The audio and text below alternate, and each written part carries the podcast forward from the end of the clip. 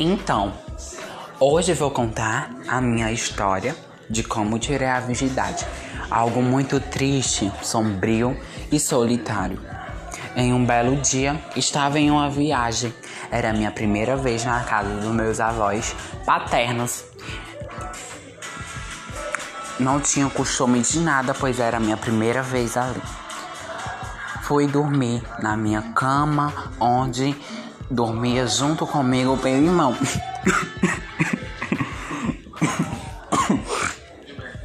Quando no fim da noite, acordo com ele em cima de mim. Era a rola dele, tava na minha cara. Eu não aguentei. Comecei a gostar daquela fruta. Desde em diante, é, eu venho sentindo atrações por todo tipo de homem. Homem casado, homem solteiro, homem gay, homem passiva, ativa, versátil, todo tipo de homem. Porque o que importa é o que eles têm entre as calças, entendeu? Entre as pernas. E tipo, eu nunca deixei me levar por qualquer outra atração porque não existe outra atração.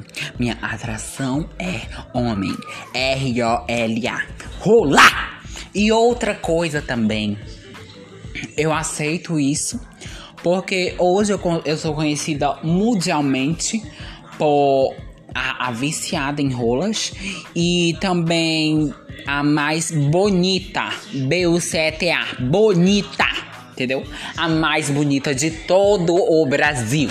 Brasil, Itália, Peru, eh, Portugal, eh, todo o Brasil e todo o mundo me ama. E é isso. Muita gratidão a todos eles e de coração só tenho a agradecer. E o que eu acho dessa atividade que você me passou de coração, eu acho isso horrível, ridículo. Que diabo de história é essa, demônia? Imprópita, lixa.